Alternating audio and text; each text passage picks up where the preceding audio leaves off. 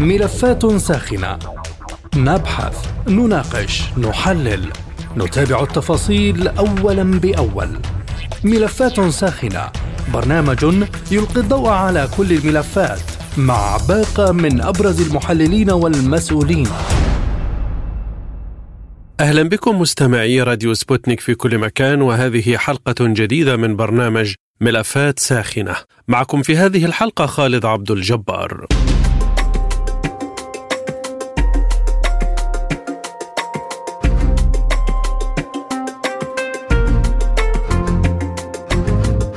كشفت القناة الثالثة عشر العبرية الأربعاء عن اتفاق بين رئيس الوزراء المكلف بنيامين نتنياهو وعضو الكنيسة المتطرف إتمار بن غفير على تغيير قانون فك الارتباط. يأتي ذلك الاتفاق بعد ربط بن غفير انضمامه للحكومة بشرط تعديل ذلك القانون.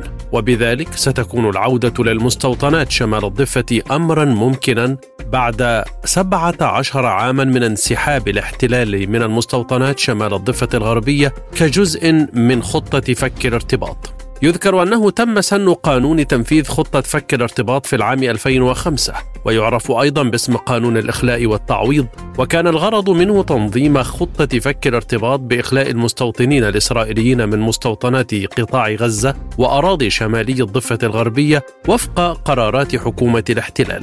وأقر قانون فك الارتباط رئيس وزراء إسرائيل في حينه أريل شارون وتم تمريره بتأييد 59 مقابل 49 و5 امتنعوا عن التصويت ومنذ ذلك الوقت خضع القانون لتغييرات طفيفة.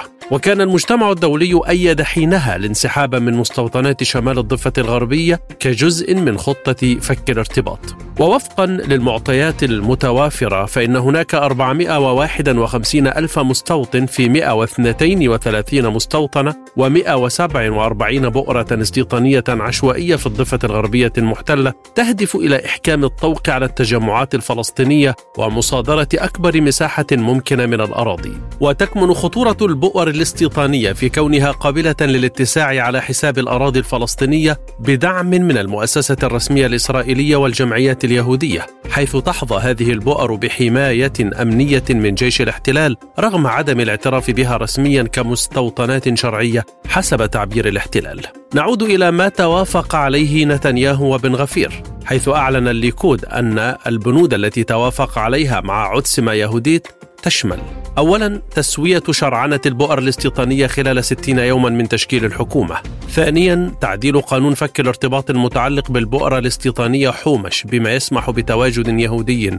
هناك للدراسة في المعهد الديني التوراتي. ثالثا قانون جنوبي موسع في قواعد الجيش الإسرائيلي لمنع سرقة الأسلحة من قواعد الجيش ولحماية جنوده. رابعا قانون يفرض حدا أدنى من العقوبات على الجرائم الزراعية وجرائم الخاوة. خامسا الإسراع في التخطيط وإنشاء طرق التفافية للربط بين المستوطنات في الضفة المحتلة وتوسيع شارع 60 وتخصيص الميزانيات اللازمة لذلك بقيمة تتراوح بين مليار ونصف المليار شيكل. سادسا وضع خطة لشرعنة البؤره الاستيطانية أفيتار. سابعا شرعنة البؤر الاستيطانية الجديدة في غضون 60 يوما من تشكيل الحكومة. وقالت القناة الثالثة عشر العبرية إن التغيير في القانون سيجعل من الممكن إبقاء بؤرة حومش الاستيطانية غير القانونية في مكانها. في غضون ذلك تحتاج محكمة الاحتلال العليا أيضا إلى إبداء رأيها في هذه القضية مع وجوب رد الحكومة بحلول ديسمبر كانون الأول على إخلاء المدرسة الدينية في مستوطنة حومش. وقد يؤدي تعديل قانون فك الارتباط وإعادة مستوطنات تم إخلاؤها إلى رد فعل سلبي من المجتمع الدولي. أرحب بضيوف هذه الحلقة. من رام الله الدكتور أحمد رفيق عوض أستاذ العلوم السياسية. ومن غزة الكاتب الصحفي الفلسطيني طلال عوكل. ومن القاهرة الدكتور طارق فهمي أستاذ العلوم السياسية بالجامعة الأمريكية. وأبدأ معك دكتور أحمد رفيق عوض من رام الله وأسألك عن مسألة آه، ما تم التوافق عليه بين نتنياهو وبن غفير ربما تحتاج إلى مزيد إيضاح حول قانون فك الارتباط الذي تم تغييره بموجب هذا الاتفاق. عمليا الاتفاق بين بن كفير وبين نتنياهو الذي جرى يوم أمس يتعلق بتعزيز الاستيطان وتكريسه من حيث إعادة التأهيل النقاط الاستيطانيه التي تم إخلاءها في 2005 وأيضا آه، إضفاء الشرعية أو ما يسمى بالشرعية على المستوطنات الغير شرعية اللي بيسموها خارج القانون يعني رغم إنه كل الاستيطان هو غير شرعي. ولكن عمليا هذا الاتفاق آه، يعني آه، هدفه تكريس الاستيطان وتعزيزه وتمدده وبالتالي مصادرة المزيد من الأراضي الفلسطينيين وأيضا ضخ آه، أعداد كبيرة من المستوطنين آه، من الداخل آه، إلى أراضي الضفة الغربية المحتلة. الأمر الذي يزيد من الضغط على البنية التحتية من الشوارع والخدمات الكهرباء والمي إلى آخره. وأيضا يزيد من فرص الاحتكاك العنيف بين المستوطنين والمواطنين. باختصار هذا اتفاق يهدف إلى تعزيز وتكريس الاحتلال بشكله الأسوأ اللي هو الشكل الاستيطاني لكن خلال الفترة الماضية دكتور أحمد المستوطنات لم يتوقف بناؤها. آه لم يتوقف بناؤها هذا صحيح ولكن ليست مستوطنات جديدة. القضية الجديدة هنا أنه ما تم بناؤه خارج الاتفاق الحكومي عمليا يتم إضفاء الشرعية عليه. بمعنى أنه هذا كان هناك بناء استيطاني ولكن داخل المستوطنات وليس هناك يعني مستوطنات جديدة، المسألة هنا إنه ما تم بناؤه الآن يتم اضفاء الشرعية عليه بين قوسين، آه، لهذا السبب آه، عمليا آه، كل عمليات الاستيطان اللي هي خارج الاتفاق الحكومي اللي في الحكومات المتعاقبة الآن يتم اضفاء الشرعية عليه قبل أن تدخل الحكومة حكومة نتنياهو إلى الفعل. يعني لم تتسلم المنصب بعد فهذا يدل على خطورة هذه الحكومة وخطورة هذا الاتفاق. هل موافقة نتنياهو هذه كانت مفاجئة غير متوقعة لم يعلن عنها في برنامجه الانتخابي؟ لا لا لا متوقعة جدا. الرجل أولا يريد أن يكون رئيس وزراء وهو مستعد أن يدفع اثمان كبيرة من أجل ذلك يعني من أجل أن يكون رئيس وزراء هو عمليا يريد أن يرضي كل أطراف التحالف أو الائتلاف الذي يشكل حكومته. وهو يعرف وكبير يعرف إنه كلاهما بحاجة للآخر.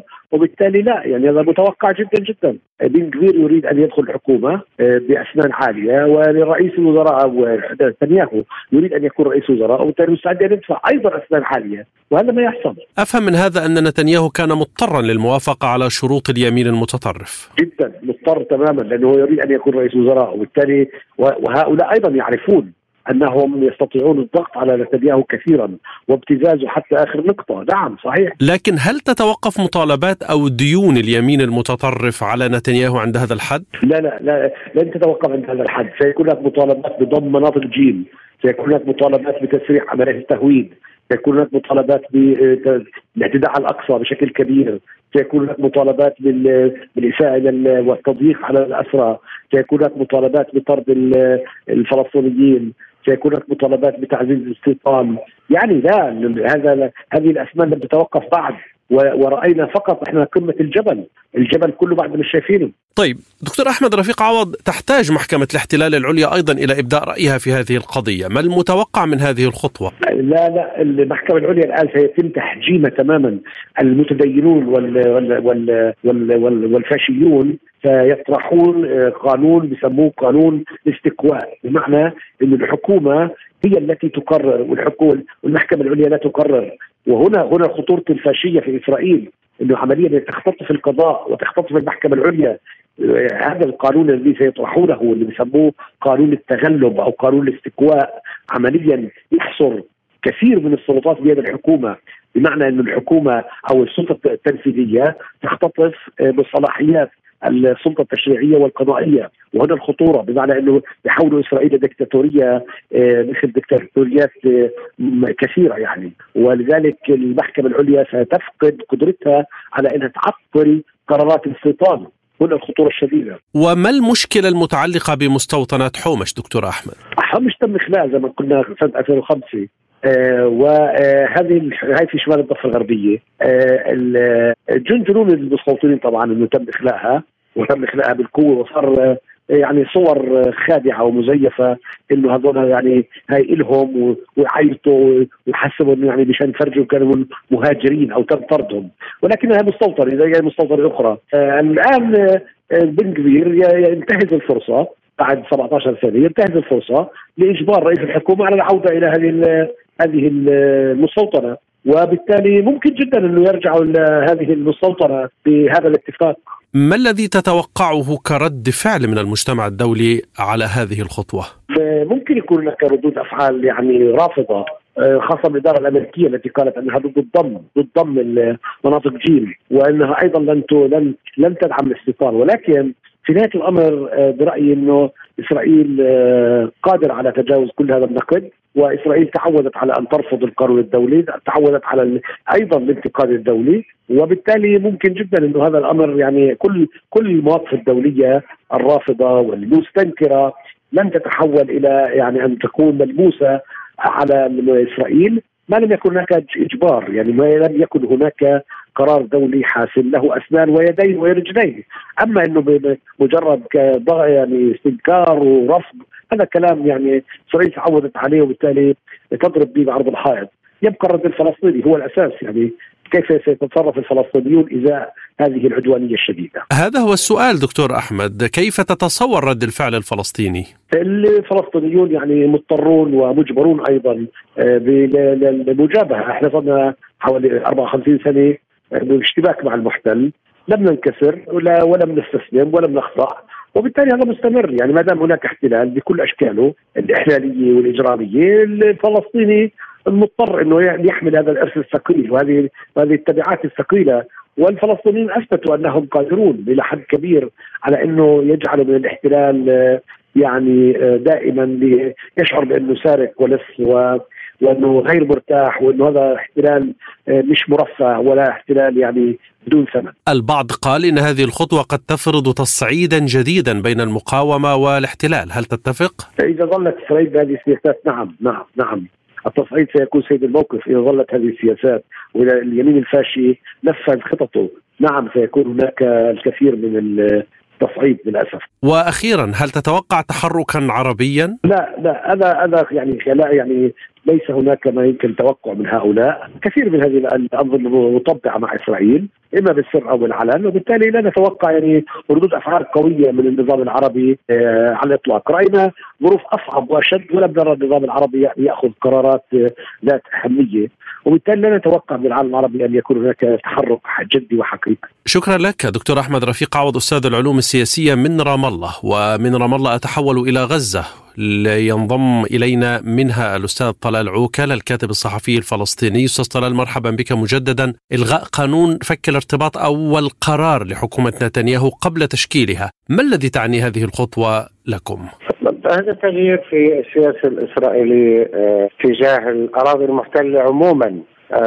فك الارتباط طبعا حصل في عام آه، سبعة و 2007 بعد الانقسام الذي وقع واعتبرت حكومة نتنياهو في ذلك الحين قطاع غزة كيان معادي ويعني استمرت في سياسة الفصل بين الضفة وغزة واستباحت قطاع غزة بطبيعة الحال. الآن على ما يبدو أنه هذا يعني سيحمل تغييرا خصوصا فيما يتعلق بالتسهيلات التي تقدم لغزة فيما يتعلق بموضوع الغاز في غرب غزة في الشواطئ المتوسط مقابل غزة.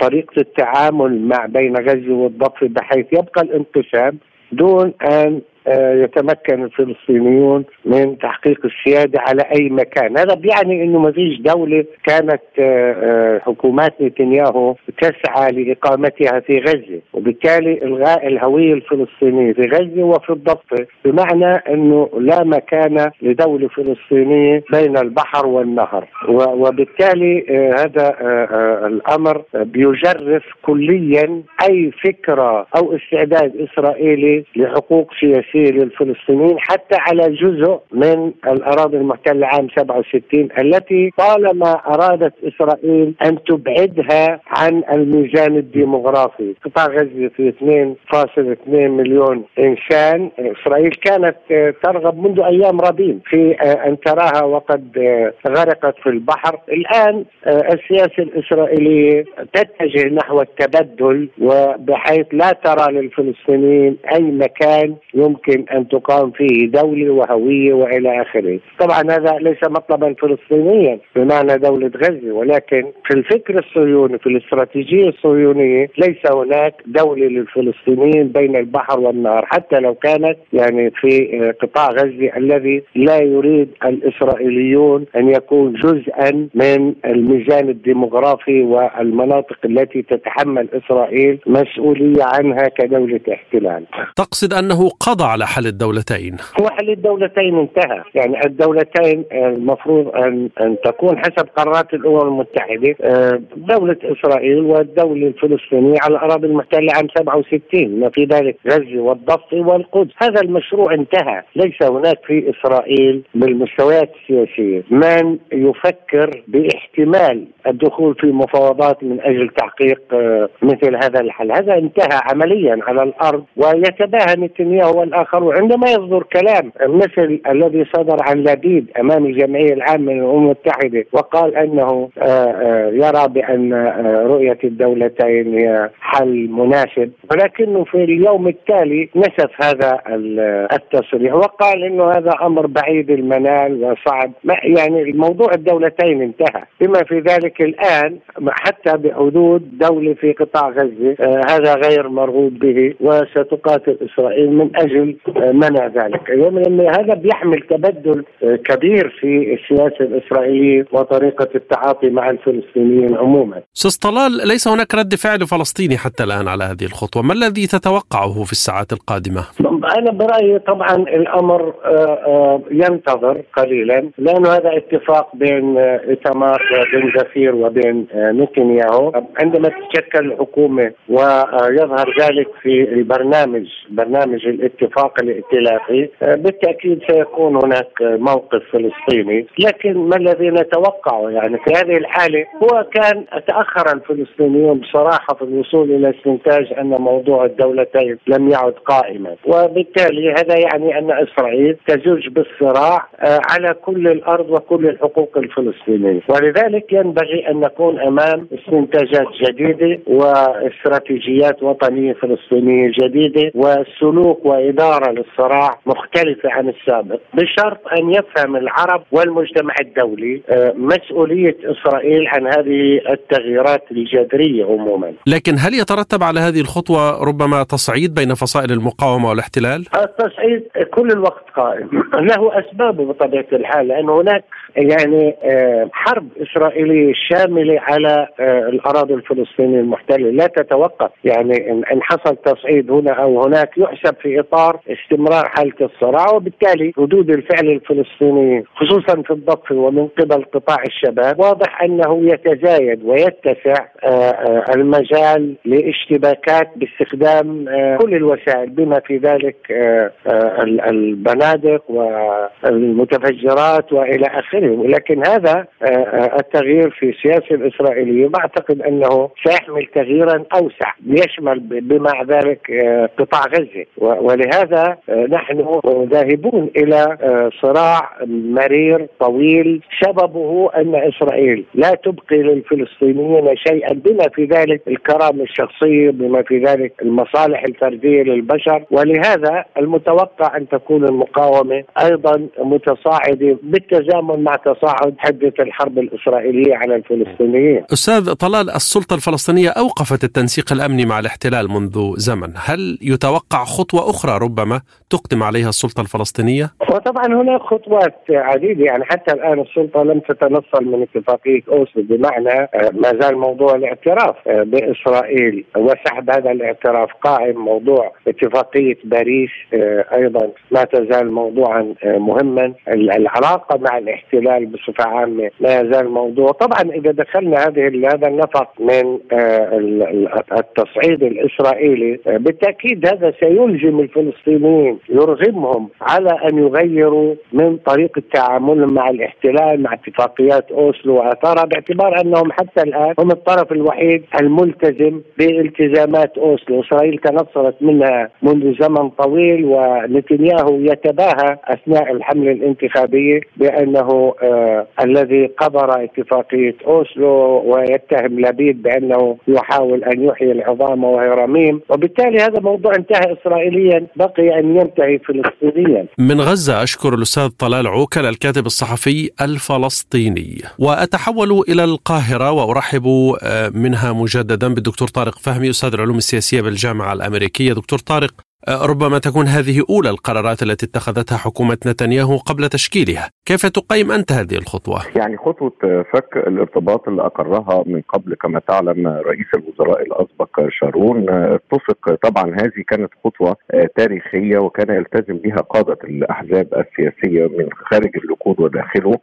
بطبيعة الحال هذا القرار أو تغيير القانون لفك الارتباط هيكون طبعا له تبعات كبيرة مرتبطة بعودة العودة للمستوطنات في شمال آه، الضفة. جزء من مما سوف يتم به هو آه، التزام آه، الالتزام بفك الارتباط كشرط للانضمام إلى الحكومة. هيحتاج الأمر إلى عدة آليات متعلقة بقرار المحكمة العليا الإسرائيلية من جانب. ويحتاج طبعا إلى بعض الإجراءات المتعلقة ببعض المستوطنات لأنه هيبقى في إخلاء لعدد من المستوطنات وهيبقى في ارتباط ب آه، يعني التزامات أخرى متعلقة بالبؤر الاستيطانيه الرسمية والبؤر التي أقرها مجلس المستوطنات القومي. طبعا هذا الأمر هيبقى ليه ارتباطات وارتدادات على موقف الجيش لأن القانون متفاعل مع عدة قواعد وتشريعات داخلية داخل الكنيسة فيما تعرف بقواعد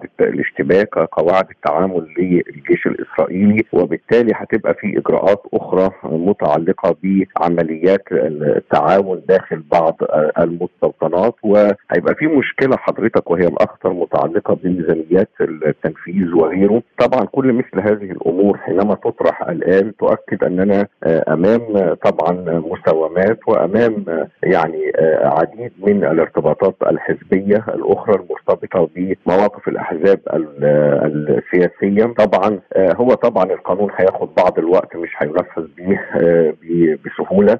ومشروع القانون هيحتاج أيضا لارتباط مع الجانب الفلسطيني ربما يتعلق بالتزامات اوسلو على الأقل من الجانب الإسرائيلي. لكن خليني أقول إنه الأخطر في هذا الإطار هو دخول مؤسسات نظام الحكم الإسرائيلية على الخط لأنه مجلس المستوطنات القومي محدد هذا وبالتالي إذا طرح الموضوع للتصويت فهتبقى في مزايدات كبيرة. وأعتقد إنه هيبقى بداية لمرحلة في مواجهة مع الجانب الفلسطيني لأن القانون كان في 2005 وكان بيدي حرية التنقل للإسرائيليين في مناطق شمال الضفة آه، في المناطق الشمال واللي هي كلها بالمناسبة تحت السيطرة الإسرائيلية الكاملة. وبالتالي آه، تم تعديل بعض هذه الصياغات في آه، بعد 2005 بحوالي سبعة على ما أذكر سبع أطر أو صياغات مماثلة لها. الآن هو تقديم الخيارات للأحزاب مما سيمثل إشكالية حقيقية في الساحة السياسية الإسرائيلية حتى قبل أن تشكل الحكومة الرسمية. لكن دكتور طارق هل تعتقد أن اليمين المتطرف سيكتفي بذلك؟ أليس له ديون أخرى على نتنياهو قد يقتضيه سدادها؟ آه هذا هذه الخطوة هي البداية، يعني الآن نحن سندخل في مزايدات كبيرة وفي مساومات قبل تشكيل الحكومة واليمين أقصى اليمين الإسرائيلي سيمارس نوع من الابتزاز السياسي، آه طبعا تمرير هذا القانون في هذا التوقيت هي رسالة اولى للذين يطالبون داخل آه، الولايات المتحدة وإدارة الرئيس جو بايدن بإبعاد بعض الشخصيات آه، من الحكومة بما فيها آه، الأحزاب قاده الأحزاب اليمينية. وبالتالي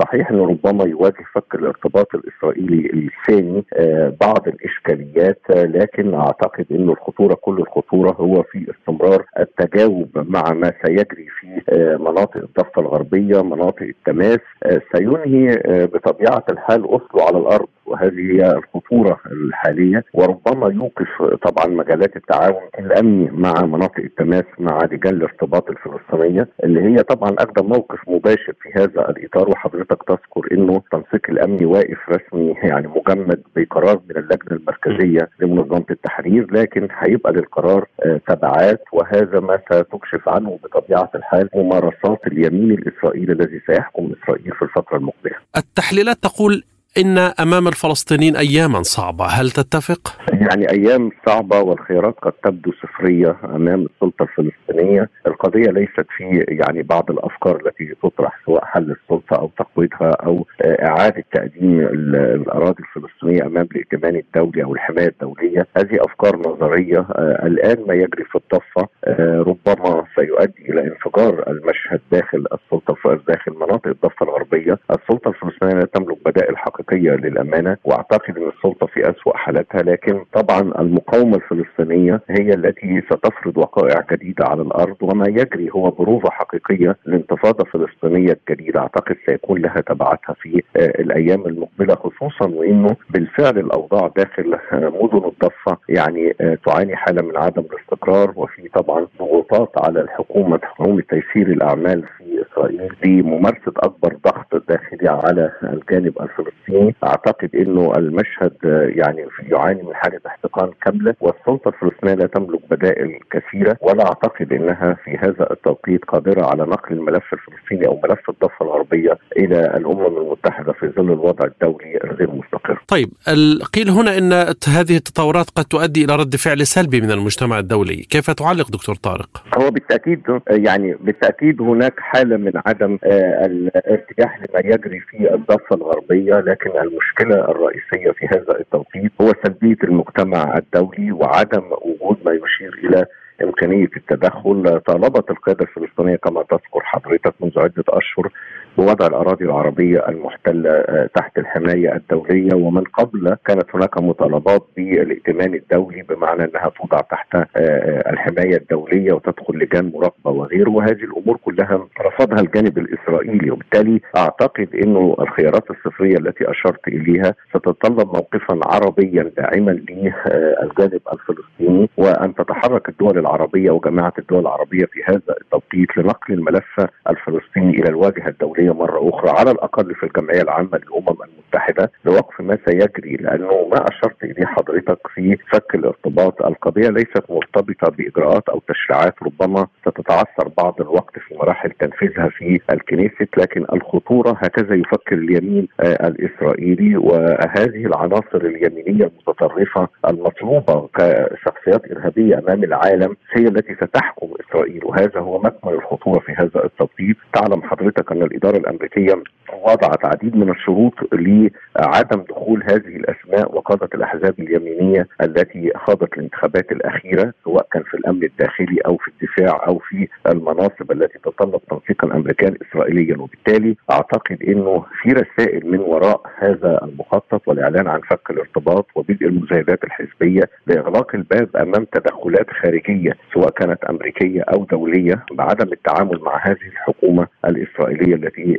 ستشكل وانه القرار في النهايه آه، للمواطنين الإسرائيليين كما ذكر قادة هذه الأحزاب اليمينية المتطرفة. وأعتقد إن هذا الأمر سيكون طبعا آه، قابل لمزايدات من داخل الأحزاب وخارجها. وفي النهاية ستشكل إسرائيل حكومتها التي ستتعامل فيها مع العالم. سبق إن إحنا تعاملنا حضرتك مع شارون وافيجادور ليبرمان ودرعي وغيرهم من آه، قادة اليمين لكن ليسوا بهذه المنتمين لحركات عنف وتطرف رسميا في المجتمع الاسرائيلي. طيب الجانب الأمريكي كان راعيا لقانون فك الارتباط، ما هو رد الفعل الأمريكي المتوقع من وجهة نظرك؟ يعني أعتقد إنه الإدارة الأمريكية صحيح أن موقفها آه، كان معلنا لكن أعتقد إنه زي ما أشرت في تحفظات من واشنطن في هذا التوقيت يعني صحيح أنها ربما تبدو خلافات شكلية لكنها أيضا خلافات في إطار آه، مواجهة الطرفين لما هو قادم فيه سواء كان في الكنيست أو في الكونغرس الأمريكي. شكرا لك دكتور طارق فهمي أستاذ العلوم السياسية بالجامعة الأمريكية من القاهرة.